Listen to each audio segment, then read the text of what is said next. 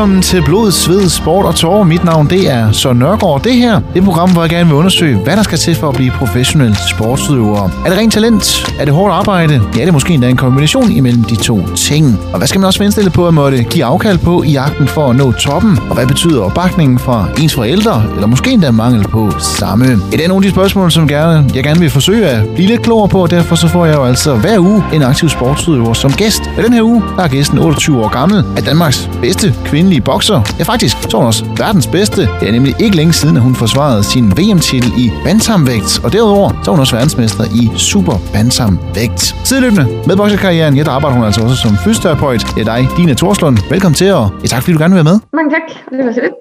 Jamen, uh, så lidt. Jeg sætter meget pris på, at du er klar til at, at lige hive en time ud af, af kalenderen, for jeg forestiller mig med både en, en boksekarriere, der skal passes, og så også et uh, fuldtidsarbejde ved siden af. Så jeg tænker, at du har nok at se til i hverdagen. Uh, så jeg sætter meget, meget pris på, at du er klar til lige at og selvfølgelig snakke lidt om, hvor du står i dag i boksekarrieren, men også hvordan det hele ligesom begyndte. Men nu er det jo ret lang tid siden, at du øh, forsvarede din, øh, din VM-titel, så jeg er jo meget interesseret i at høre, altså, hvordan, hvordan kommer, hvor hurtigt kommer du ovenpå efter, efter sådan en VM-kamp? Altså nu tænker jeg både fysisk og mentalt. Ja, fordi det er jo sådan lidt to forskellige parametre. Øh, jeg vil sige, jeg er allerede klar til at starte arbejde mandag, møder op, men for så at vide, at jeg har en øh, syg søn, så jeg skal køre hjem og tage mig af ham selvfølgelig. Men, øh, men trætheden, den var jeg først sådan lidt af med om torsdagen. Der begyndte jeg at føle mig lidt mere som mig selv. Der ligger et enormt pres, både selvfølgelig fysisk, men især også psykisk, fordi der er optag, der er indvejning, der er meget er du klar, øh, vi gør sådan her, og man, man er meget spændt op mentalt også. Så det der med, når man så har forløsninger bare kan give slip, så kommer der en, en træthed, der sidder et par dage i hvert fald. Og nu er vi jo så efterhånden en lille små 14 dage på den anden side af din VM-kamp i Kolding. Altså, hvordan har du det nu her, hvor vi sidder her? Og... Øhm, jeg har det godt. Jeg tror, at det eneste, min krop brokker sig over, det er det, jeg spiser, fordi jeg spiser meget. og jeg spiser rigtig meget usundt også. Men det har jeg sagt til mig selv, det er okay. Det er bare lige en periode her. Jeg skal lige have lov til at få afløb for al min øh, mangel på sammen. Øh, men nej, kroppen har det godt, og jeg føler mig klar til at starte træning igen. Jeg har lige haft en lille uges sygdom med lidt ondt i halsen og sådan noget, så jeg ikke rigtig følte, at jeg kunne, kunne kunne det samme i hvert fald. Så jeg regner med at starte stille roligt op den her. Og det er godt at høre, Dina, men så er jeg også altså, øh, for lige at, at spørge ind til selve kampen, altså du, øh, du vinder på knockout. Øh, hvordan var det at, at kunne forsvare sit, sit VM-bælte? Det er jo det, man selvfølgelig drømmer om, når man først har fået fat i det, så vil man jo også gerne beholde det, men altså, og, så, og så vinde på et knockout igen. Altså, du har jo ikke tabt nogen kamp endnu. Nej, det har jeg ikke, og det agter jeg at blive ved med ikke at gøre.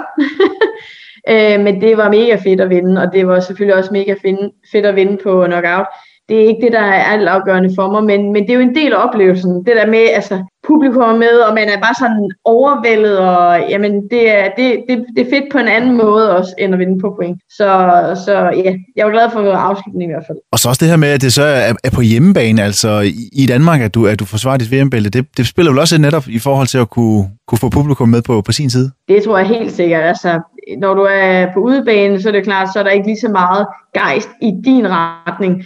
Øh, så der kan man også, der tror jeg, jeg tror mere, man også bliver påvirket af den modvind, man kommer i. Øh, fordi der jo selvfølgelig, hvis den anden så har et, øh, altså nogle gode øh, træk og, og får noget medvind derfra, jamen, så føler man måske sig endnu mere bagud, end man egentlig er, fordi man er imod et helt publikum også. Men altså, når det så er sagt, så er det ikke noget, der bekymrer mig. Det skal man tage med som en oplevelse, men det er klart, det er jo altid fedt at have folk i ryggen. Og Dina, nu øh, er vi som sagt her på den anden side, øh, eller 14 dage efter din, din triumf i, i den her VM-tilkamp, hvor du altså fik forsvaret dit, øh, Øh, dit VM-bælte. Men, men det er jo her, hvor du står nu i en alder af 28 og er, er dobbelt verdensmester, men jeg kunne også godt tænke mig selvfølgelig, at vi skulle tilbage i, i tiden, fordi dig og boksning, hvordan er, det, hvordan er det helt begyndt? Hvordan har I fundet hinanden? Jamen det startede faktisk øh, ved, at jeg havde en veninde, der øh, gerne ville starte til boksning, fordi hun havde en storbror, der havde været dansk mester i boksning. Og øh, hun øh, vil så ikke rigtig starte alene, så hun tager ligesom mig med, fordi jeg er lidt af en drengepige og altid været glad for sport. Så hun tænker, at jeg tager dine med. Og øh, det ender så med, at jeg øh, fortsætter med det her,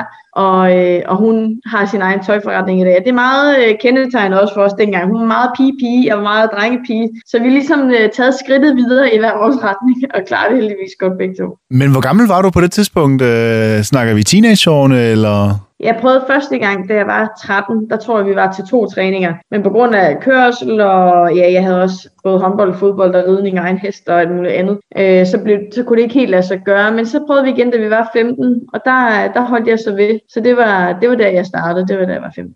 Og nu øh, fik du sagt lige her, du, øh, du havde faktisk gang i, i rigtig mange andre sportsgrene også. Hvad, hvad, hvad, hvad var boksemiljøet så for, for et miljø at komme ind i? Jamen, boksemiljøet, det er et rigtig godt miljø, synes jeg jo. Altså, det er selvfølgelig, den har måske lidt en, en hårdere tone og lidt mere sjovfuld og sjov jargon end, øh, end eller det ved jeg nu ikke, det synes jeg også, der er en håndboldklub, og det også, synes jeg også, der er en fodboldklub, men, men det er sådan lidt mere, øh, det, ja, det, det er ikke så fornemt. Altså man skal ikke tro, man skal have det pæne tøj på til træning, det er ikke det, det handler om. Øh, men det, alle er velkomne, og der er sådan en, altså der er sådan en måde at sige, hellere et ringhjørne end et gadehjørne. Det er der, man ligesom kan samle op på nogle gutter, der måske, og gutinder, der er måske på vej ud i, i noget forkert miljø eller eller andet, fordi vi har bare en disciplin og en respekt for hinanden. Så der er ikke noget med, at man tror, man er bedre end andre, og alle er velkomne, så det er en sport, der er meget imødekommende og åben. Ja, så ja, fantastisk. Og var det netop noget af alt det her, der, der også tiltalte dig, netop er, er årsagen til, at du valgte at gå med det i stedet for fodbold eller håndbold, eller var det fordi, du simpelthen bare fandt ud af, at du var, du var bedre til boksning end, end fodbold eller håndbold eller ridning? Ja, jeg har altid været glad for at vinde, og øh, jeg var på landsholdet efter halvanden år, og det, det er meget sjældent, man som starter til en sport og som på landshold. Så, så det er klart, at jeg fandt hurtigt ud af, at det var noget, jeg kunne, kunne drive til noget også, og det, det tiltaler mig som person rigtig meget. Øh, så jeg spillede stadig håndbold tidløbende med, i noget tid, så det havde jeg da trods alt stadig. Så det er ikke, jo, jeg, og jeg elsker at spille håndbold. Jeg er lige startet til noget hyggebold igen nu her, fordi jeg har savnet det så lang tid. Men, øh, men jeg tror nemlig den der følelse af, at oh, det, det her, det kan jeg faktisk drive til noget mere. Det, det var meget motiverende for mig. Og jo, altså miljøet, det, det, det fastholdt mig ikke, men jeg var rigtig glad for det, fordi der er også meget fællesskab i det, altså i det her foreningsliv, og det har man også ude i bokseklubber med forskellige træningslejre og til nogle stævner og turneringer. Så der, der har man noget rigtig godt socialt samfund. Og, og hvor startede din boksekarriere henne? Den startede i BK 274, øh, Sydsjælland i, i Vordingborg. Og jeg tænker altså, da du kommer ind der sammen med din veninde, altså du, nu siger du halvandet år, så var du på landsholdet, altså havde du bare talent for boksning med det samme, eller ja, hvor god var du kontra dem, der, der var der i forvejen? Øh, det lyder, altså jeg er overhovedet ikke den, der er den bedste til at sige rose noget om mig selv og sådan noget, men jeg, jeg er god til sport, det er noget af det, jeg kan. Jeg er ikke så god til så meget øh, andet, men jeg er god til sport. Og jeg, havde, øh, jeg var også hurtig til at, at blive god til, til boksning. Jeg kan bare godt generelt lide at bevæge mig. Og det der med, når der er et mål at bevæge sig efter, om det er en bold, eller om det er det der med at undvige at ramme den anden, det, øh, det, det fanger bare noget i mig. Og det gjorde det også med boksning her. Men hvordan ser sådan en træningsuge ud med, med boksning? Altså igen, nu tager vi udgangspunkt i, da du, da du lige kommer ind, altså fordi som du kendte fra fodbold og håndbold, det er jo de der to gange om ugen og så en kamp i weekenden. Hvordan, hvordan var det med, med boksning, og også i takt med, at du ligesom blev glad for det? Altså steg du rimelig hurtigt i, i træningsmængder? Jamen i starten, der er det også sådan cirka de her to gange i ugen, og nogle gange er der mulighed for at lave en ekstra træning i weekend, fordi man har ikke kampe lige så ofte som fodbold og håndbold. Øhm, men ja, så er der så de der det, ja, det er lidt forskelligt, hvor mange kampe man har om året som amatør. Men øh, når man så kommer på kampholdet, så kan man godt få nogle flere træninger med, ligesom for at gøre klar og alt efter. Du kan godt være kampbokser og så være begynder, så du træner stadig bare to gange i ugen og bokser en gang imellem. Men så kan du også være kampbokser og landsholdsbokser, som så træner fire gange plus et eller andet x antal i ugen. Så det er klart, jo højere op du er, jo mere træner du. Og ellers så ligger der også meget, eller ikke meget, men hvis man virkelig vil noget, så gør man jo også noget på eget initiativ. Så de her løbeture, sådan, det skulle vi jo selv lægge til ved siden af. Og alt efter, hvor langt man var og hvilke mål man havde, så var der nogen, der fik gjort det mere end andre. Og der var du en af dem, der, der er rimelig hurtigt. du fik ikke gjort det? Ja, men ej, det var ikke, der var ikke så stort et fokus på det i starten jo. Så det var først senere hen, det blev vigtigere. så det var, som du siger, glæden ved egentlig bare at komme ned og, og slå lidt til, til nogle andre. Men, men hvordan i forhold til, til trænerne i sådan en bokseklub? For jeg forestiller mig, de må også have rimelig stor betydning for ja, både din glæde ved boksning, men også din udvikling. Det har de helt sikkert. Øh, og mine træner, dem er jeg altid øh, været på meget øh, tæt hold med. Altså Kent Hansen, som er min øh, første træner fra BK 274, han er jo stadig meget betydningsfuld for mig i dag, og øh, han er sådan en mand, jeg ved, jeg kan stå i Skagen og have brug for hjælp, og hvis jeg kun kan få fat kendt, jamen så kommer han. Og det samme vil jeg gøre for ham. Altså han er, han er ikke en anden far for mig, men vi får et, man får et rigtig, rigtig tæt forhold, også fordi altså, jeg har også engageret mig i klubben mere end bare at komme til træning. Jeg vil gerne hjælpe til klubaften. Jeg vil gerne hjælpe, altså, hvis der er nogen, der har behov for et eller andet. Men øh, ja, så vi, får, øh, vi har fået et rigtig, rigtig tæt forhold, og det havde vi måske også tættere, da jeg boede på Sjælland, og det er lidt svært nu her, når jeg bor i Jylland, men også René Hansen, han øh, kom ind og var lidt teknisk træner for mig, og og han er også en mand, jeg bare stoler på, og ved, har jeg brug for det mindste, så kan jeg altid ringe til ham. Det er ikke altid, man lige får holdt kontakten ved lige, men det er bare sådan nogen, man altid ved, der er der. Og det samme vil jeg være der for dem. Øh, så, så altså, betydningsfulde mennesker, man, man lærer hinanden at kende på rigtig mange områder, når man både træner sammen og er ude og opleve ting sammen og har nogle lange køreture. Altså det der med, når man kører til Jylland og bor på Sjælland. Og så bliver der snakket om mange ting, både privat og sport. Og jeg kan sagtens sætte mig ind i det der med, at det bliver som du siger, en, en, en anden familie, man ligesom får opbygget, og, og som årene selvfølgelig også går. Men hvad, hvad egentlig, da du, da du først får foden inden for, for boksning, øh, og, og så også vælger at gå videre med det, hvad, hvad sagde dine forældre egentlig til, at nu, nu hed det ikke ridning og, og fodbold og håndbold mere, nu hed det pludselig boksning? Jeg kan huske første gang, da jeg skulle prøve boksen, der da jeg var 13, der var min mor meget imod det. Altså hun var sådan, boksning, og så skal I slå, og nej, nej, nej. Og jeg havde meget hest dengang også, og håndbold, og hun var sådan, nej, nej, nej, nej. Og jeg var sådan lidt, altså, det er da ikke noget problem. Men så, da jeg så startede som 15 år, jeg ved ikke, om det var årene, der lige havde gjort et eller andet, men så var det ikke noget problem alligevel. Så kunne jeg godt starte. Det, ja, det gik jo heldigvis godt nok, så, så alt var godt. men ja, det var der noget andet. Men øh, hun var meget imod det i starten, men var okay med det til og det er jo også vigtigt det der med, at selvom der måske var lidt modstand i starten, men at de så også stadigvæk altså øh, bakker op omkring den sport, du så har fået den her passion for? Øh, ja, helt sikkert. Jeg har, og det er jo så det, jeg har altid haft en mega god opbakning til min sport fra mine forældre af. Min mor, hun øh, jamen, vil jo gerne komme til træninger og kampe og alting. Min far har haft lidt transporttid, så han har primært været der til kampe og kørt mig til stævner og sådan noget. Men øh, min mor, hun kunne sådan blive gå hen og blive nærmest for engageret. Lidt for irriterende faktisk. Hun tror nærmest, hun er klogere end træneren, fordi hun har siddet og set mig og gøre ting, og sådan, hun sådan, og så skal du huske, og så skal du gøre, og så nu stopper du. Så til sidst må jeg sige til hende, hun ikke må komme med til træning mere, for hun var simpelthen irriterende. Så hun måtte holde sig til kampen. Og, og netop det der med, altså, som du siger, dejligt at, at, at føle supporten fra, fra forældrene, men, men netop også altså, have det som sit eget. Og det, i takt med, at du også bruger mere og mere tid på det, og også i dag jo er professionel og, og, og kæmper de store kampe, altså, har, det været, har det været vigtigt for dig også så tidligt måske, og netop at få den der afstand, at det er fint, I, I gerne vil engagere og støtte op om det, men jeg skal også have det for mig selv et eller andet sted? Det, nej, altså det har ikke været noget, jeg sådan har tænkt aktivt over. Det var bare naturligt, fordi jeg var super tvær teenager, der gad ikke at blive rettesat af min mor, hvor jeg sådan, jeg har en træner, du behøver ikke blande dig mere. Og så var det bare det, og så, så har det stort set været det. Så det er ikke noget, jeg har tænkt over yderligere. Men hvad så i forhold til, øh, et er jo selvfølgelig, at man gerne vil bruge mange timer på sin sport, øh, også i takt med, at du så bliver bedre, men, men hvordan i forhold til skolegangen? Nu fik du selv sagt, altså, du har altid været god til sport, men det andet er måske ikke så meget, altså, ikke at du var dårlig i skolen, det ved jeg selvfølgelig ikke, men, altså, men var, var det også, fordi du netop øh, altså, brugte det som et fristed, eller, eller hvordan var du i forhold til, til også at få brugt nogle timer på at få lavet lektier og, og være social med, med skolekammeraterne? Jeg har ikke haft nogen stor skoleglæde i folkeskolen, og det er ikke, fordi jeg ikke øh,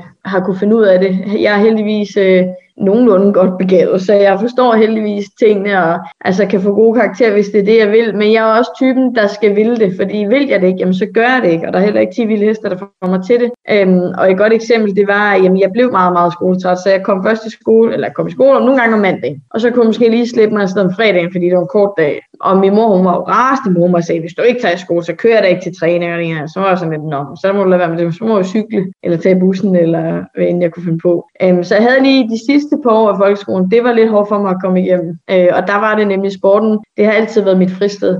Og det har altid været der, der har været helle for sociale normer. Altså det der med, du skal ikke skrive øh, beskeder på en bestemt måde, du skal ikke sige ting på en bestemt måde, du skal bare, undskyld, men du skal bare fucking spille efter reglerne. Det gælder om at skyde på mål, og det gælder om at ramme den anden hun selv gør. Det gælder ikke om, hvilket tøj du er på. Det gælder ikke om, hvad der er sejt. Det gælder bare om at vinde. Og det har bare været nemt for mig. Altså, det, det var så rart ikke at skulle tænke på, hvem kan kysse mest røv på de andre for at få flest venner. Så ja, sport var fantastisk i folkeskolen. Men, men, men hvad, hvad tror du var årsagen til, at du blev den, altså, netop skoletræt? Altså, fordi altså, var det sådan, at dine forældre også på et tidspunkt var inde og sige, at altså, du får simpelthen ikke lov til at gå til boksning, hvis du ikke begynder at engagere lidt mere i det, eller hvordan? Øh... Jeg tror ikke, at de kunne på, finde på det, eller det gjorde de i hvert fald ikke. De sagde ikke til mig, at jeg ikke måtte, de sagde bare, at de ikke ville køre mig. Så jeg måtte jo selv cykle til og fra. Der var alligevel øh, 15 km hver vej, så det synes jeg, det var lidt meget, når man trænede to gange to timer nogle gange om aftenen. Øhm, ja, men hvad det lige var, det er svært at sige. Og jo, jeg tror da også, at min mor var træt af det, men, men jeg tror også bare, hun vidste, at der var ikke så meget at gøre, fordi altså, det, der var at gøre, det var, at hun skulle fysisk gå op på mit værelse og slæbe mig ned med vold og magt, for at slæbe mig over i skolen, hvis det var det, der skulle til, fordi ellers havde jeg ikke gjort det. Øh, jeg var bare lige sted i mit liv, hvor jeg ikke var motiveret for det. Og der var ikke rigtig nogen, der kunne komme med den motivation og, og gode grund til, at jeg skulle gå i skole. Og hvordan øh, det så udviklede sig efter folkeskolen, det kan jeg godt tænke mig at, at spørge ind til lige på den anden side af et kort stykke musik. Oh, my love it, yeah, yeah. I'm alone, yeah. I'll replay this moment for months. Alone in my head, waiting for it to come.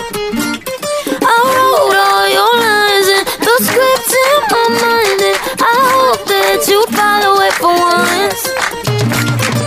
I imagine myself inside in the room with platinum and gold eyes, dancing, catch your eye, you be mesmerized, oh. Find the corner there, your hands in my hair. Finally, we're here, so why? Saying you got a flight, need an early night, no. Don't go yet. Oh,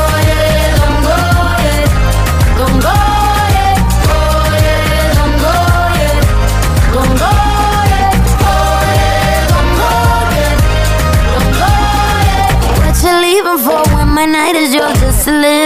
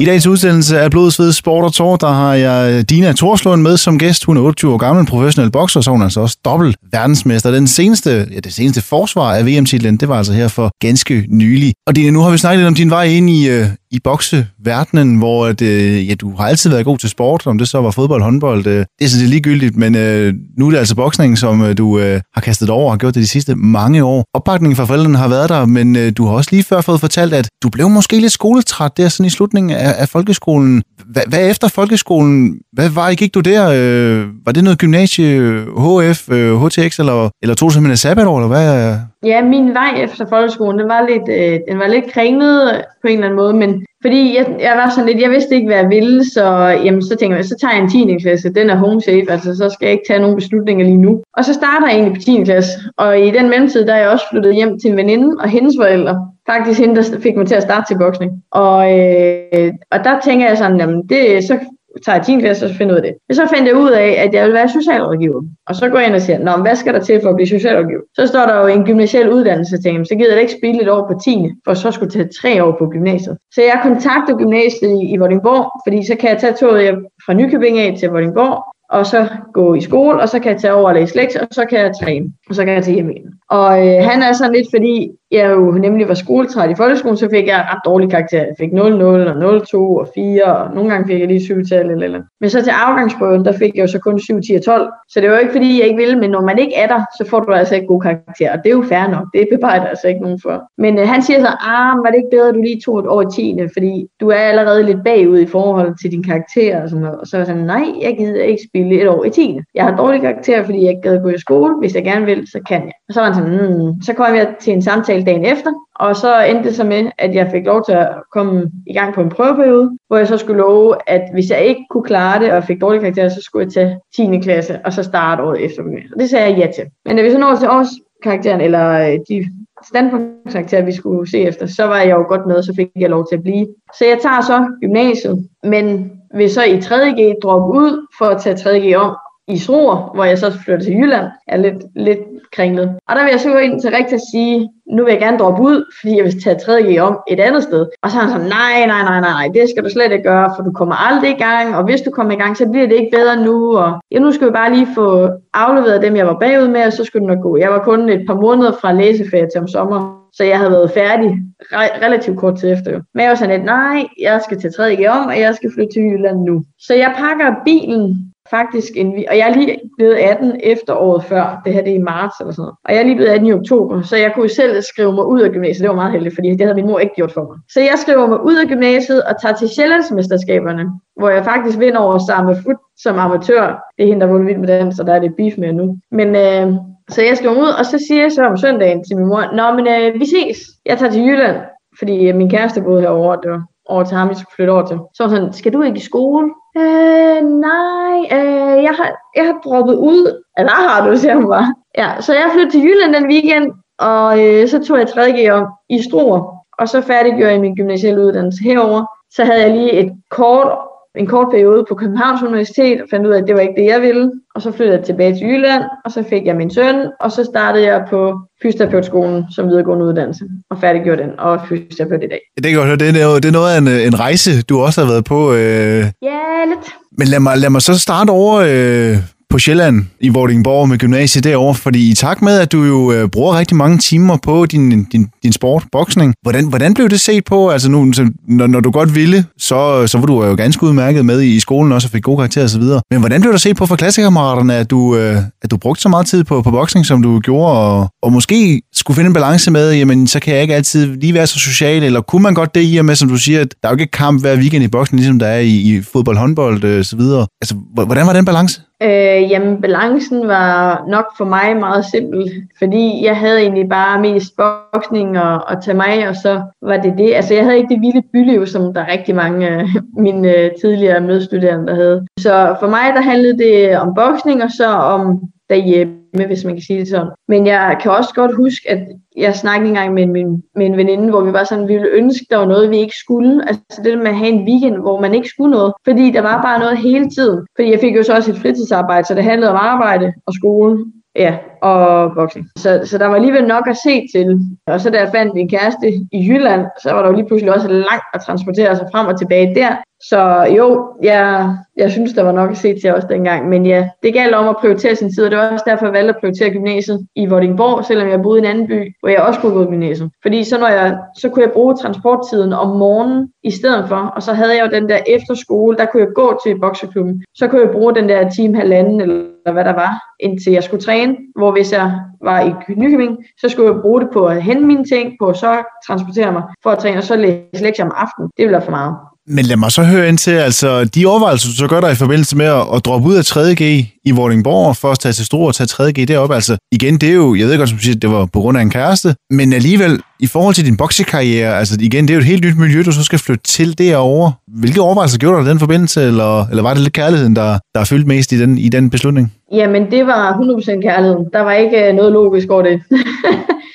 men jeg er super glad for, at jeg gjorde det i dag, fordi jeg ville ikke kunne bruge min afgangs øh, karakter. Mit gennemsnit til særlig meget, hvis jeg havde færdiggjort, fordi jeg var virkelig bagud og var kørt skoletræt, og jeg gad ikke. Og når jeg ikke gad, så fik jeg det bare ikke gjort, og jeg forstod ingenting alligevel. Så jeg tog det om i forhold til, ja, jeg havde en kæreste derovre, men det var også det, der gjorde, at jeg var sådan, okay, så er det 100% skole, og det er 100% boksning. Så jeg fik et sindssygt godt gennemsnit efter gymnasiet heroppe. Øhm, og ja, så var det på, på, på baggrund af Thomas. Men da jeg kom herop, der, ja, så var det jo det der med at finde noget nyt igen, og der vidste jeg jo bare, at det var jo ikke, det var ikke for at få nye venner, og jeg var så dum, at jeg lidt sagde, jamen jeg er her ikke for at få nye venner. Jeg er for at få min uddannelse. Det er måske ikke det, man skal lægge ud med i en ny klasse, hvis man gerne vil danse nogle nye relationer. Men det fik jeg sagt, men det gik ganske godt. Jeg kom ind på idrætslinjen, og øh, det var jo mennesker af samme mentalitet. Altså det der med at kunne lide at bevæge sig og sådan ting. Så det var, det var en super fin klasse, jeg kom ind i. Og hvad i forhold til, til boksning og komme til en ny bokseklub i Jylland? Altså, du siger, altså, er boksemiljøet ikke større herhjemme, end at man kender alligevel et par stykker i Jylland også, selvom man kommer fra, øh, fra, fra Nykøbing af? Eller, eller hvordan var det pludselig at komme i, i et nyt miljø i Jylland?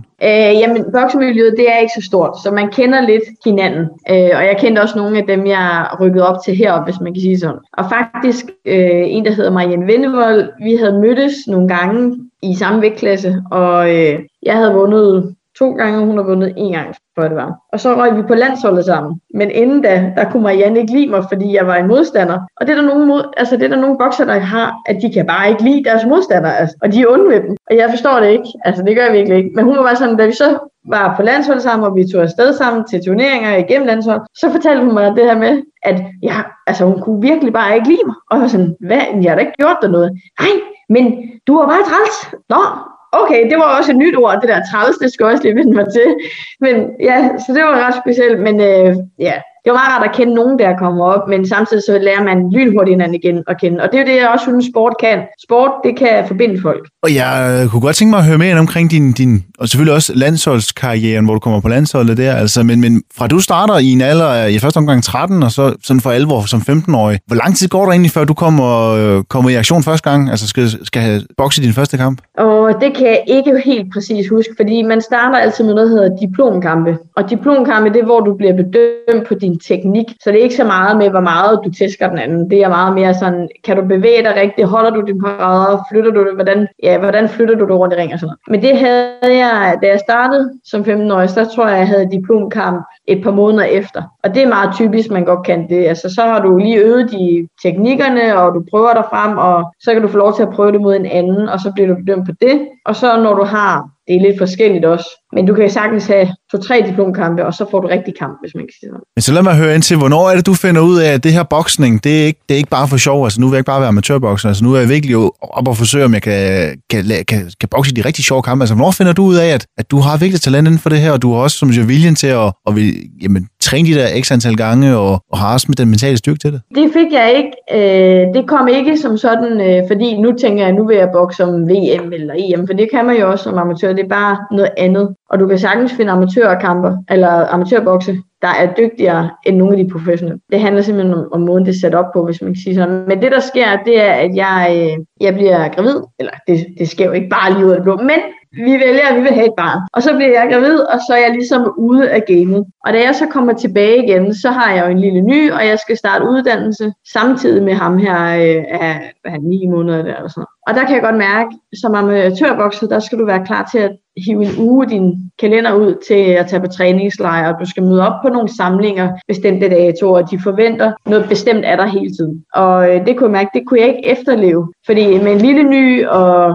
to hunde og en uddannelse, jeg lige var begyndt på, så kunne jeg ikke bare lige gøre, hvad andre synes, jeg skulle gøre. Så vi blev faktisk enige om, min træner og jeg, daværende kæreste, at jeg skulle blive professionel, fordi min forsvar også ligger meget over i det her game. Så det, det ville kun være en styrke for mig. Så vi tænker, at vi prøver, og så ser vi, hvor langt det rækker. Det var ikke sådan lidt, at nu vil jeg bare gå efter. Det er bare sådan lidt, at det prøver jeg lige, fordi det passer bedre ind i min tidsramme faktisk. Og så tog det jo egentlig ret hurtigt fart. Ja, fordi hvornår er det, I tager den her beslutning? Hvor, hvor længe siden er det? Jeg blev professionel til februar af det seks år siden, tror jeg. Og, og det er jo egentlig kun sådan en, fordi det passede bedre end i, i din hverdag med, med barn og uddannelse, også ved siden af og så videre. Men, men hvordan kom det til at ændre i din hverdag? Altså, betød det noget i forhold til måden, du trænede på, eller øh, spiste og koster, altså det hele setupet omkring din, din hverdag, eller, eller gjorde du egentlig nogenlunde det samme, som du også gjorde før? Nej, det har stor betydning. Især da jeg begyndte med min VM-kamp og sådan noget. Jeg har altid trænet hårdt, men det er klart, hvis du går 10 omgange, så skal du træne noget hårdere, end hvis du kun går 4 omgange. Så intensiteten, den er hele tiden blevet skruet lidt på øh, i min karriere, indtil jeg ramte mine, øh, mine verdensmesterskaber. Og, øh, og det er gået fra måske at træne en gang om dagen, til at træne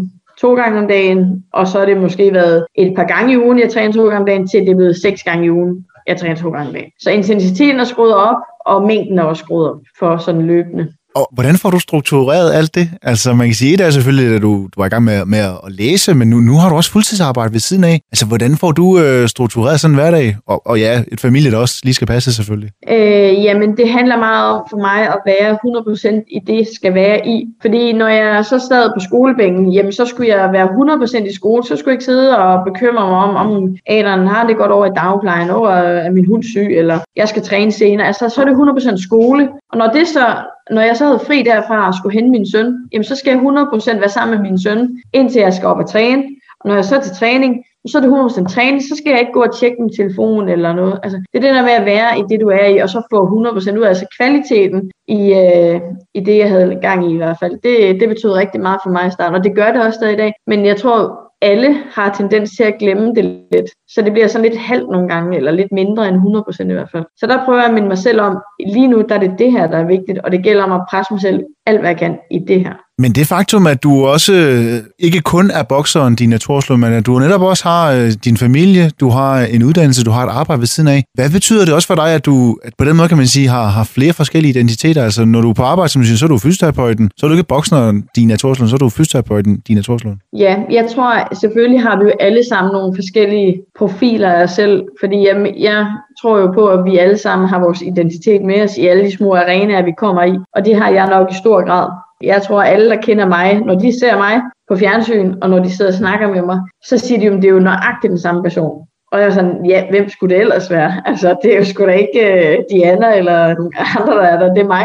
Um, og det, det går jeg meget op i at være 100% mig selv. Og ja, også det der med, jeg, jeg vil helst ikke forberedes på spørgsmål, fordi jeg vil bare gerne sige, hvad der kommer som første indskyld, fordi det skal komme fra mig af, det skal ikke komme fra et eller andet, jeg skal huske. Og sådan har jeg det bare generelt med mig selv. Men jeg tror, det er klart, at man har jo, man er mere på, for eksempel, når du er i skole, fordi der nogen, der stiller nogle krav til dig, og der er noget ansvar, og der er nogle, nogle andre sociale interaktioner, end når jeg er derhjemme og helt afslappet og loose. Men jeg er sgu bare generelt meget afslappet i min tilgang, så jo, jeg kan godt, altså jeg ligner tit og ofte mere lort, end jeg ligner noget pænt lort i hvert fald, når jeg går ud der, fordi det er med fedtet hår, og det er med mascara, der er øh, faldet af, fordi jeg fjerner det aldrig, det er en sjældent gang, tager på. Så jeg er sådan, jeg er meget, tag mig som jeg er, fordi jeg, jeg gider sgu ikke at bruge tid og energi på at gøre det bedre end det. Så jo, det betyder, da der en lille skift i arenaerne, men, men samtidig tror jeg, at jeg har så meget mig selv med i det hele, at det er ikke den store energiforvaltning, jeg skal bruge på det. Men det må alligevel være meget dejligt, at som du siger nu, øh,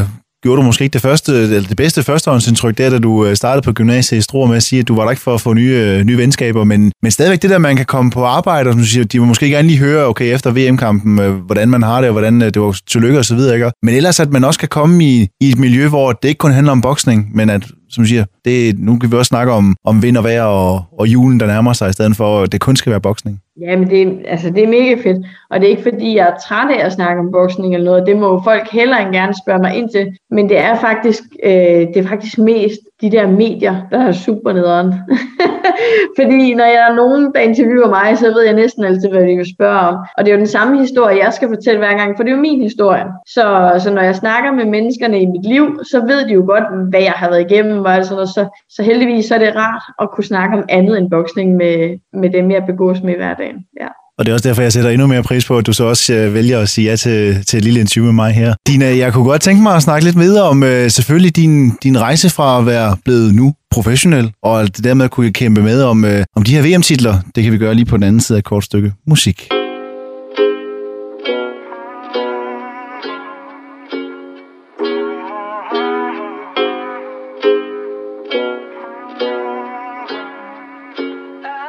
Yeah, take my horse through the old town road. I'm gonna ride till I can't no more. I'm gonna take my horse through the old town road. I'm gonna ride till I can't no more. I got the horses in the back, horse stock is attached.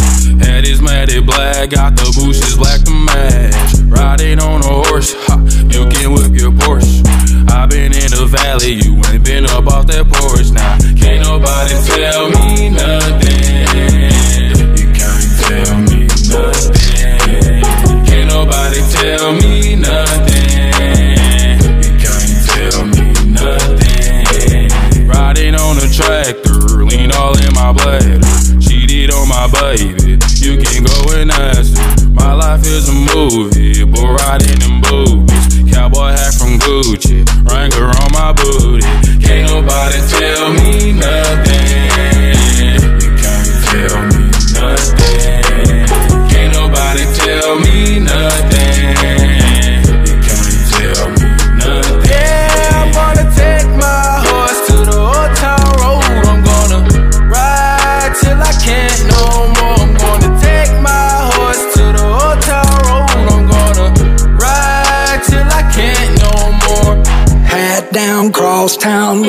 like a rock star. Spend a lot of money on my brand new guitar. Baby's got a habit, diamond rings, and Fendi sports bras. Riding down Rodeo in my Maserati sports car. Got no stress, I've been through all that. I'm like a Marlboro man, so I keep going back. Wish I could roll on back to that old town road. I wanna ride till I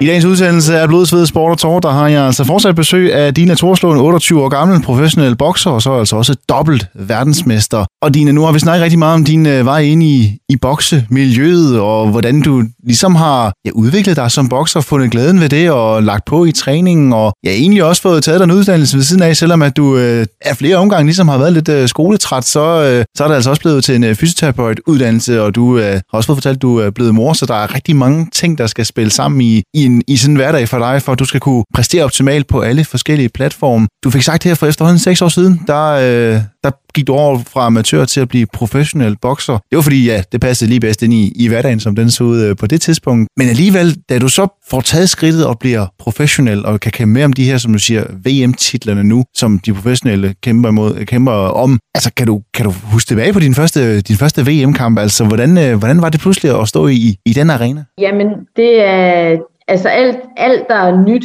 og første gang, det er jo noget specielt. Men samtidig så var det jo heller ikke helt nyt, fordi når jeg gik ind til sjællandsmesterskaberne, eller bare en almindelig kamp til en turnering, det, øh, jeg ved ikke, hvad det har gjort ved mig, men, men boksning, det kan noget særligt, fordi normalvis så var jeg også nervøs til håndboldkampe og fodboldkampe. Du ved, når man står deroppe på linjen og venter på, at dommeren fløjter, og så man er kommet i gang, så ligger næverne sig igen. Men efter jeg er gået til boksning, så har jeg ikke været nervøs, nervøs til en fodboldkamp eller en håndboldkamp eller noget. Altså, der, der har det været lidt noget andet, og jeg tror måske, det er fordi, man står deroppe alene. Altså, der er sgu ikke nogen, der kommer og kan tage den for dig, hvis du har en dårlig dag. Og der, øh, der har jeg, jeg vil ikke sige, at jeg har præstationsangst, men lidt, lidt ligesom når man går til eksamen, man er bare bange for ikke at ramme dagen, og man er bange for at få stillet nogle spørgsmål, man ikke kender. Så hvad nu, hvis hun kommer med noget, jeg ikke lige kan gøre noget ved, eller det er mere den nervøsitet, jeg har til alle kampe, og det er både om det hedder VM, amatørkampe, professionelkampe. Så det havde jeg også til den første VM-kamp, men det har jeg også nu stadig. Altså jeg havde det også til min sidste VM-kamp. Så på den måde, så var det ikke så meget nyt op til.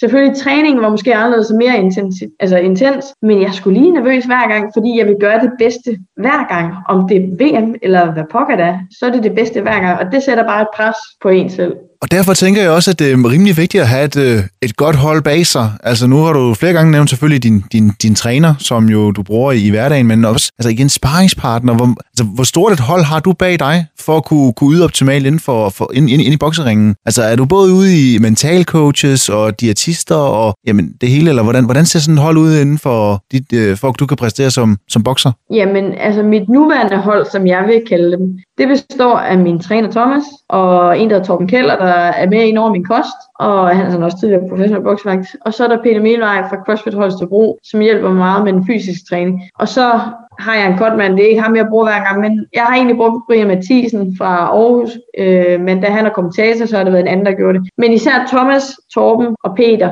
altså de tre, det er, det er min kerne, og det er dem, jeg stoler på, og det er dem, jeg er tryg ved, og det er dem, der får mig til at præstere allerbedst. Det, det kunne jeg i hvert fald mærke her til min sidste kamp, at det er en kombination, jeg kan håbe på at, at bevare og holde ved, fordi det var så fedt at have dem i ryggen. Men faktisk fremad til den forrige kamp, jeg havde, der har jeg ikke rigtig haft andre end Thomas og jeg. Jeg har egentlig overvejet en mental coach, fordi nemlig det her med, at man lægger så meget pres på sig selv til hver kamp. Altså, jeg hader det indtil, indtil jeg lige har givet og fået det første slag, der er jeg bare mega nervøs. Altså virkelig. Sådan, så det, det er den der, man har lyst til at flygte. Man har lyst til ikke at være i situationen, fordi man bliver så spændt. Og ikke fordi jeg er bange eller noget, men det er bare mega angstprovokerende faktisk. Ja, så det er mit nuværende hold, men jeg har ikke rigtig haft nogen derudover. Så, så det, er, det er rigtig rart at have det nu. Og jeg håber på, at det kan, kan gøre mig endnu bedre til de næste kampe. Men lad mig så høre, altså i forhold til den mentale del af det, nu har du selv sagt det her, den her nervøsitet, der ligesom selvfølgelig stadigvæk øh, hober sig op, men man skal også som siger, passe på, at den ikke kommer for, for meget op øh, og, og bliver en negativ faktor for en. Hvor meget fokus har du på det, på det mentale øh, i, i boksning? Jeg vil sige, at jeg har fået mere og mere fokus på det her de sidste øh,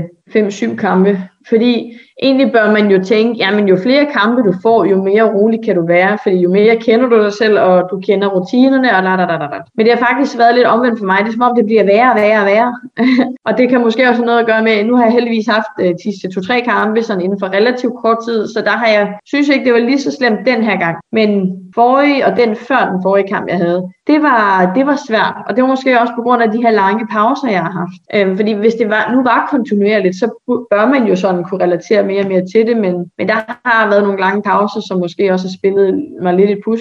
Men, men jeg tænker meget mere over det, og gør det især også nu her, øhm, fordi det har, det har sgu en mega stor betydning. Men et er selvfølgelig, som du siger, en, en mental coach, man måske, mås- måske kunne begynde at snakke med, men altså, er du også sådan begyndt at, i, i hverdagen, altså skulle man begynde at meditere lidt, eller øh, finde en eller anden et eller andet, der kan, om det kunne være en begynder, altså, jeg ved ikke, lytter til musik inde i omklædningsrummet, eller et eller andet, som ligesom kan være med til at berolige en. Altså, har du nogle ting, du gør der i hverdagen, øh, eller, eller hvad, hvad, hvad tænker du kunne være, være vejen frem? Øhm, jamen, jeg prøver faktisk lidt nogle forskellige ting, og det er alt efter, hvordan jeg nu lige har det. Øhm, der er faktisk nogle perioder, hvis jeg har været mega presset, så har jeg hørt klassisk musik. Øh, simpelthen for at på en eller anden mærkelig måde lægge en dæmper, men der lytter man til lydene, i stedet for at lytte til en tekst. Og nogle tekster, alt efter hvad der bliver sagt osv., og også rytmen, det kan pumpe en højere op, i stedet for at lægge en dæmper. Så der har været nogle gange, hvor jeg bare har fyret fuld skrue på den klassiske musik, så jeg ikke, det er så højt, jeg ikke kan tænke på andet andet end at høre det der dæmpende musik på mig. Og jeg kan også godt finde på at relaxing music og core music og alt sådan noget, ligge og lytte til det. Men faktisk så, øh, hvis jeg, jeg kender mig selv nok til at vide, hvis jeg skal slappe helt fuldstændig af, koble mig fra alt, så skal jeg finde mig en god bog. Fordi når jeg læser bogen og kører ind i den verden, så kan jeg ikke tænke på alt muligt andet. Så er det 100% den verden, jeg er i. Og så er det skidesmart at finde en bog, man kender, fordi så ved jeg, hvad der kommer til at stå, så jeg skal ikke være nervøs for, hvad der sker. Jeg ved, hvad der sker, men alligevel så bliver jeg opslugt af historien, så det kan jeg også godt finde på, hvis jeg får brug for at trække mig helt ud af noget, eller lytte til lydbog. Det er også rigtig godt. Så kan jeg nemlig rydde op imens. Det er to fluer mit smæk. Lige præcis. Men Dina, nu har du fået snakket lidt om, om det hold, der jo er med til at, at sørge for, at du selvfølgelig kan optimere så godt som muligt, når du står inde i ringen. Men jeg tænker, der er vel også nogle sponsorer indover, som er med til at, og selvfølgelig gør det muligt for dig at kunne, kunne udleve dine drømme om at, at bokse. Helt sikkert.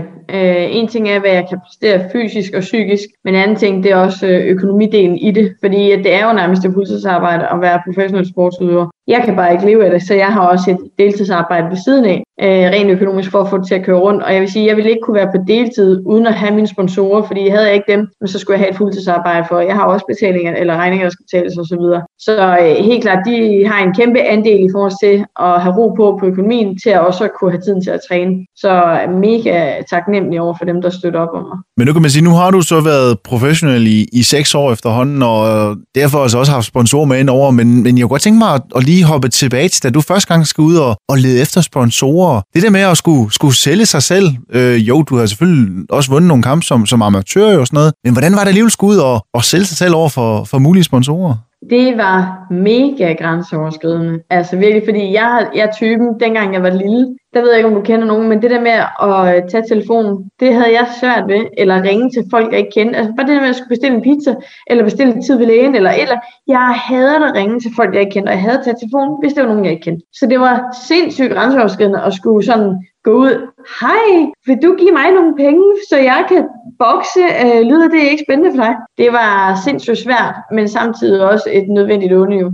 Øh, så, så det var noget med at tage sig selv en nakke og sige, tag dig sammen, det bliver du simpelthen nødt til. Og øh, så kan jeg huske, at jeg havde, formel, eller jeg havde sådan fået stillet det lidt op, sådan, så man kunne vælge ved at sponsorere det her for det her beløb og sådan nogle ting. Og, altså det er så sjovt at finde den i nogle mapper i dag, hvor man tænker, at det, for det første er der nogle helt andre beløb, og for det andet var det sådan, det er en sjov måde at gøre det på. Også det der med, at det er mig selv, der skal ud og bede om det. Nu har jeg jo en manager og en træner til at gøre sådan nogle ting for mig. Fordi jeg synes jo også, det virkede uprofessionelt, at det var mig selv, der kom det. Det var jo mere professionelt, hvis det var en anden, der henvendte Og det kan jeg godt tænke lidt i dag, sådan, hvorfor er det mere professionelt? Altså bare fordi andre gør det, betyder det ikke, at det er mere professionelt. Fordi jeg kan jo egentlig godt lide, at det er en reel vare, mine sponsorer også får ud af det. Jeg vil gerne have, at de ved, at jeg er glad og taknemmelig for det, de gerne vil bidrage med. Så på den måde, så vil jeg have det meget bedre i dag med at gøre det, end dengang. Men det var sindssygt svært dengang.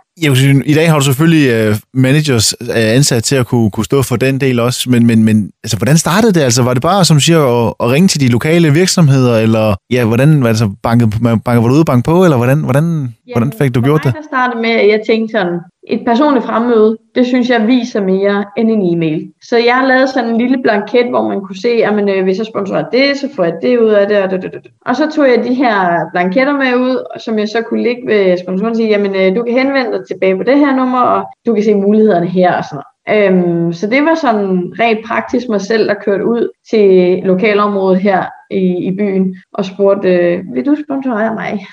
Og du kan sige, nu er, som du siger, øh, der er kommet en manager ind over og sådan noget, men, men, men i og med, at du er, årene er gået, du har været professionel nu i seks år, du har også et par VM-titler øh, liggende nu også øh, i, i pokalskabet. Hvordan plejer du dine sponsorer i dag, som du siger, når du har folk ansat til at, at finde nye potentielle sponsorer og sådan noget, men, men har du sådan en gang om året, eller to gange om året, hvor du simpelthen samler alle sponsorerne, og på den måde laver noget, altså sponsorpleje, eller hvordan? Øh...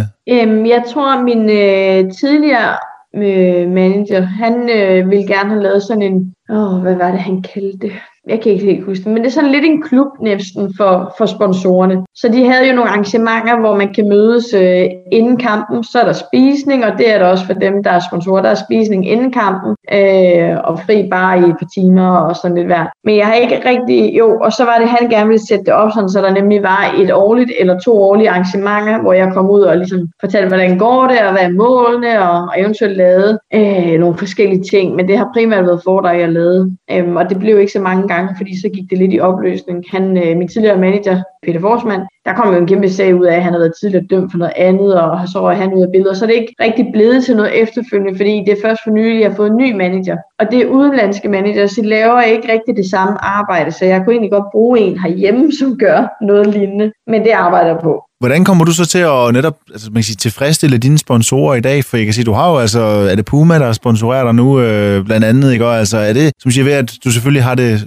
gå i deres tøj og skal lave nogle reklamer på sociale medier og så videre og til kampene, eller hvordan, øh, hvordan hænger det så sammen? Jamen alt efter nemlig, hvilken sponsorer det er, og hvad de køber, hvad skal man sige, sponsorat, så er det lidt forskelligt, fordi ja, Puma, de leverer tøjet, og så er de jo på mit træningstøj, og de er på det tøj, jeg bokser i, og de har deres forskellige logoer og hister her. Øhm, og for dem, der handler det meget om det der med, jamen det jeg går, det brander jo dem, så folk de ser, okay, men Dina hun går i det der til hverdag, og det er det, hun træner i, og der, der, der, det må kunne et eller andet. Så det er mest den effekt, de gerne vil have ud af det. Hvor så har jeg selvfølgelig også produkter, øhm, og jeg vil sige sådan, jeg tager aldrig noget ind, jeg ikke står indenfor. Altså jeg, jeg gider ikke, hvis jeg ikke kan lide at have noget bestemt tøj på, så går jeg altså ikke at reklamere med det. Det gider jeg bare ikke. Det ligger så langt fra min øh, virkelighed, som noget kan. Men, øh, men ellers så er det også sociale medier, øh, hvor jeg deler ting også. Øh, jeg siger, hvis I har et godt tilbud, eller hvis I har nogle rabatter, eller hvis I kører en konkurrence, jeg heller end gerne, så kan jeg stille op til det, og så kan man bruge mig lidt til det. Og så alt efter, hvilken slags sponsor man er, så, øh, så tilbyder jeg også at komme ned og holde et foredrag, eller hvis de kan bruge mig til, at de holder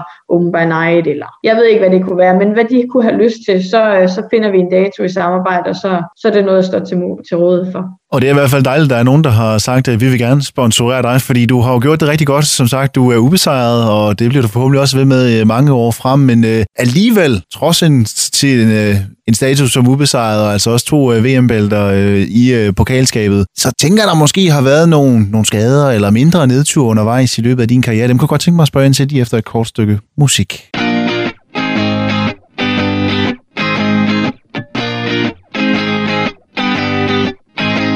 I sold my soul to the devil for a designer. They said, go to hell, but I told them I don't wanna. If you know me well, then you know that I ain't going. Cause I don't wanna, I don't wanna, I don't wanna die young. The city of angels where I have my fun. Don't wanna die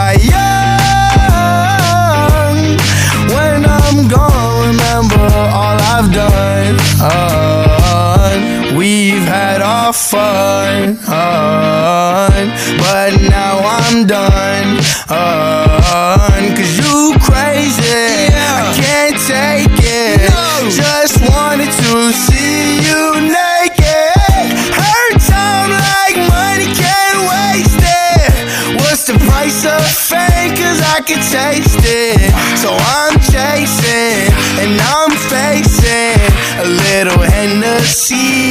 Might be good for me. I sold my soul to the devil for designer. They said go to hell, but I told them I don't wanna. If you know me well, then you know that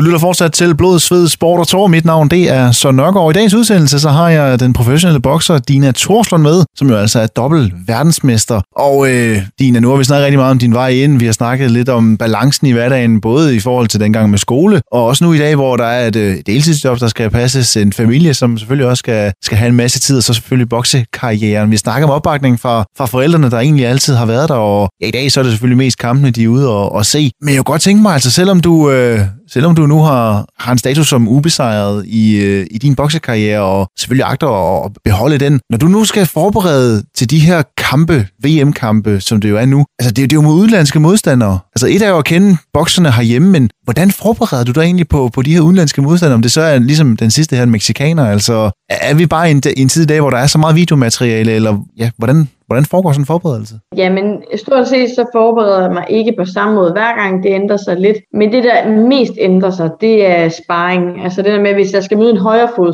så er det en højrefod sparring, vi leder efter. Kan jeg ikke få det, så må man nøjes med en venstrefod. Og højrefod og venstrefod, det er, hvilket ben man står først med, og det er hvad for en hånd, man slår hårdest med. Så alt efter, hvilken stil de har, så prøver vi jo at matche mine sparringspartnere med det. Men samtidig så, øh, så er det jo ikke en guldmine, jeg lever af øh, som professionel bokser. Så det er også, hvis det er for dyrt, så, øh, så har vi jo også nogle gange sparet på sparring, og så er det ikke der, vi kan opkvalificere. Men øh, hvor jeg må træne noget andet, øh, det er ikke sådan helt optimalt. Men det er jo, altså, jeg kan kun arbejde 100% ud for de forudsætninger, jeg har, og det, det er, hvad vi gør jo. Men øh, det er primært sparring, vi rykker lidt på, når vi skal ændre noget. Fordi ellers så kender jeg også sådan rimelig godt min krop, og min forberedelse efterhånden, så jeg ved jo godt, hvad der skal til. Og så alligevel, så har det jo været en meget, meget anden optag til min sidste kamp, end det har været til de andres, eller til de andre kampe, jeg har haft. Så, så man kan godt lave noget om, men det er også meget rart, det man kender.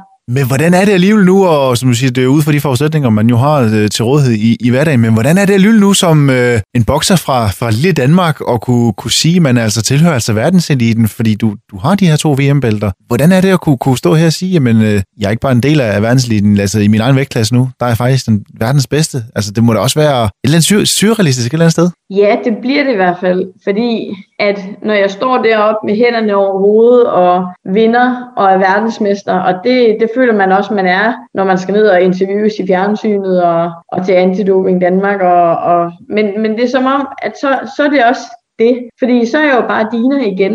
Så er jeg ikke verdensmester Dina. Så er det bare mig, der har det sjovt med mine venner, og så er det mig, der er ude at danse, og så er det mig, der passer min søn, når jeg kommer hjem, og så er det mig, der er ude på tur med hunde. Så på den måde, så er det fedt at have mine bælter og kunne se på og sige, jamen, det har jeg skulle præsteret. Fordi det er jo ikke altid, at jeg lige får set min egen kamp. Men jeg kan kigge på billederne og sige, jeg har fandme gjort det. Og det var mig, der gjorde det. Det var ikke en anden, der gjorde det. Det var mig, der gjorde det. Så det er mig, der er verdensmester lige nu. Men det er jo ikke noget, jeg går og tænker på til hverdag. Altså jo, selvfølgelig når jeg træner op, så tænker jeg, det er det, jeg vil igen. Men det er sgu ikke særlig tit, at jeg lige minder mig selv om, at jeg er verdensmester, man nok indrømme.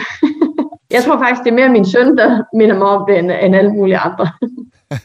Og det er jo så trods alt dejligt at høre, at du på den måde altså, øh, har så meget at se til i hverdagen, at det kommer til at fylde mere. Altså, man får kørt sig selv for meget op. Men, men Dina, nu øh, godt tænke mig, fordi vi nærmer os altså også stille og roligt den her time, så vi skal også til at have, have rundet af stille og roligt. Men jeg kunne godt tænke mig at høre, altså, i forhold til, som sagt, du har ikke nogen nederlag i bagagen, men, men, men har der alligevel været nogle skader? Altså, fordi som sagt, du får nogle, får nogle slag i løbet af sådan en kamp, og også i forhold til træning, altså. Har du været ude for nogle sådan større skader eller nedtur i løbet af din karriere, som har gjort, at du ikke har kunne præstere på det niveau, som du gerne vil? Jeg vil sige, at jeg får tit skader, men det er mindre skavanker, som man sådan kan leve med og slide sig igennem alligevel. Men jeg har haft en dårlig skulder i, i mange år, så den, er, den har også været et problem op til de sidste par kampe. Så fik jeg corona op til den sidste kamp. Jeg havde seks uger før og blev syg i to uger, og havde kun fire uger til træning, eller fire uger op til kamp. Og så, øh, så forstod jeg håndledet halvanden uge før jeg skal bokse kamp, og så har jeg en, et knæ, der driller lige pludselig. Altså jeg får skader lidt hele tiden faktisk, men det er også fordi, at kroppen bliver meget slidt. Så det er også derfor, jeg skal have de her pauser efterfølgende, så ligesom kunne komme, og så kroppen kan få ro. Jeg vil sige, den værste direkte skade, jeg har fået af boksning, det var faktisk som amatør, hvor jeg brækker hånden øh, i en landsholdsturnering i Norge. Så brækker jeg grundledet i tommelfingeren,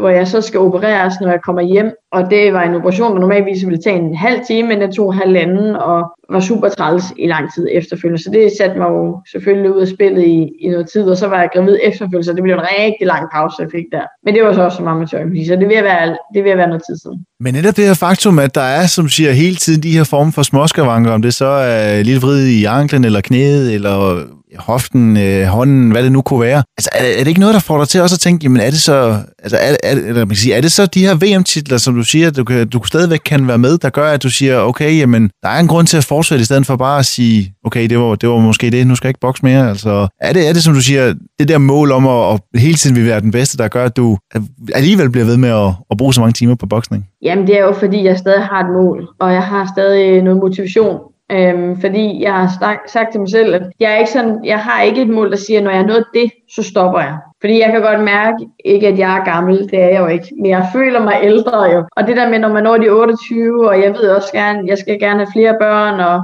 det er bare sindssygt hårdt at udsætte kroppen for det her, samtidig med at jeg har et arbejde, samtidig med at jeg har en søn, samtidig med at jeg har to hunde, samtidig med at jeg har en kæreste, samtidig med at jeg har et hus, der renoveres og bliver solgt, og det ene og det. Altså, der er bare meget hele tiden, og især når jeg træner op. Fordi når jeg stopper med at træne op til kampe, så tænker jeg, så får jeg masser af tid. Men jeg har ikke masser af tid. Jeg flyver direkte fra arbejde til den næste ting, for at spise, for at gå i seng. Og når jeg så har træning, jamen, så har jeg lige træning fra morgenen af, inden jeg tager på arbejde, for at presse en træning ind, for at alt bare bliver presset. Så jeg føler bare sådan lidt, jamen jeg, jeg, jeg løber stærkt, uanset hvad. Men det handler, som meget andet også gør, det handler om at prioritere, hvad det der er vigtigst. Og det, øh, det kan jeg godt mærke, det er presset i sig selv, og det er også derfor, jeg kan mærke nu, at det ikke er mange år, jeg bliver ved. Og det er ikke på grund af skaderne, men det er mest på grund af, af presset generelt, og det er klart, skaderne presser jo også endnu mere, fordi det bliver træls. Men hvad har du stadigvæk af, af mål tilbage for, for din karriere? Altså, du står på, på toppen lige nu, men hvad, hvad, hvad, hvad er der af mål tilbage, som du gerne vil, vil nå at opnå? Jeg kunne vanvittigt godt tænke mig at samle flere bælter. Fordi lige nu, der er jeg verdensmester i det, der hedder bantamvægt, og før der var jeg verdensmester i superbantamvægt, og det er vægtklassen over, men det er samme forbund. Jeg kunne godt tænke mig at have to og gerne flere sam, øh, sam, eller forbund samlet, sådan så jeg kan stå med flere bælter på én gang og sige, jamen øh, jeg er så også mange gange verdensmester. Det er, det er målet for mig, og det har det været i lang tid, men, men det er jo så også der, den her sport, den er jo bare vanvittigt irriterende, for det er jo ikke sådan, at du kan melde dig til en turnering, og så er der udskillelseskamp, men når du når det mål, så kan du vinde. Det her, det er forhandlinger, hvor folk skal blive enige om nogle vilkår, Nå, så kan vi lave kampen, og så skal du have det løn, og så skal du... Så der er rigtig lang vej fra, hvad jeg gerne vil, til hvad jeg kan opnå. Og det er jo der, jeg heldigvis er ved at have et godt team bag med mig, også i forhold til en manager og en promotor, som skal være med med, eller hjælpe mig med at sætte de her kampe op. Så jeg håber på, at det næste år, det bliver rigtig godt. Og Dina, det håber jeg så sandelig også. Jeg har et spørgsmål tilbage, inden jeg vil sige øh, tak for i dag, fordi jeg kunne godt tænke mig at høre her til allersidst. Hvis du nu skulle give et råd videre til, til unge danskere, som øh, jeg lige er mødt op til første træning og tænker, det her, det er bare mig. Jeg, øh, jeg vil gerne være den nye øh, Dina Torslund. Hvad er det bedste råd, du kan give videre til, til unge bokser? Jamen det bedste råd, jeg kan give til dem, der gerne vil være den nye Dina Torslund, det er, at de vil ikke, de skal ikke sige til sig selv, at de vil være den nye Dina Torslund. De skal være dem, de lige nøjagtigt er. Og så kan det godt være, at altså, de skal sætte sig et mål, der hedder først måske, jamen øh, jeg vil gerne til Sjællandsmesterskaberne, eller jeg vil til jys, jyske mesterskaber. Når man så, og man skal ikke sige, at jeg vil vinde det, jo det, det kan man også godt, men det der med, at lade, du kan godt have et, et mål langt ud, men have nogle delmål. Og så vil jeg sige, at det vigtigste for mig, det er at have lysten til at træne. Fordi lige så snart lysten ikke er der, jamen så tager du intensiteten ud, du tager kvaliteten ud af det, øh, og så kan man lige så godt lade være.